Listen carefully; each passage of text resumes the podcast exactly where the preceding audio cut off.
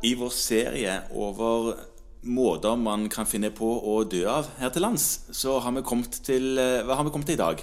I dag skal vi snakke om livmorhalskreft. Ok, ja.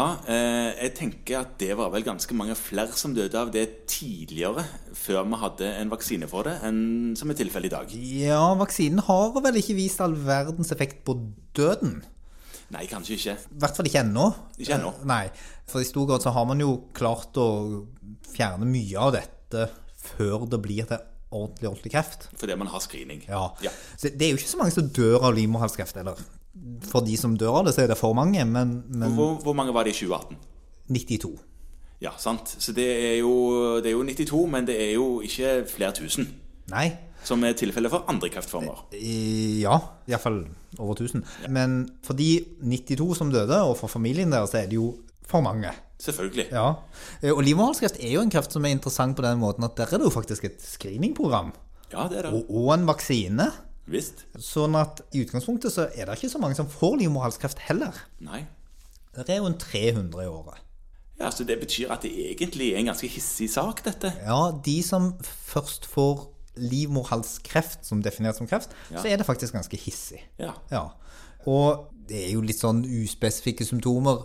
Vi ønsker jo helst at dette skal bli fanga i lim- og halsprogrammet, og ikke pga. symptomene. Men hvis det er symptomene, så er det jo typisk blødninger eller ja, i noen tilfeller eh, smerter og kanskje en endring i utflod, Mm. som gjør at du da gjør en ekstra gynekologisk undersøkelse. ja, og det kan du gjøre hos fastlegen. Det eh, skal jo i hovedsak gjøres hos fastlegen, ja. ikke sant? ja. Sånn at Hvis du får den typen symptomer, så går det an å gå til fastlegen og undersøke det. Absolutt. Men av de som får denne sykdommen, da er det Vi snakket jo om at det var 300 svekkende og 92 som døde i 2018. Men Mm.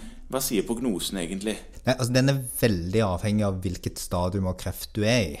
når du blir oppdaget? Ja, Så er du i et tidlig stadium, så er overlevelsen veldig, veldig god. altså Kanskje mye som over 80 Ja. Og så synker den ganske mye utover.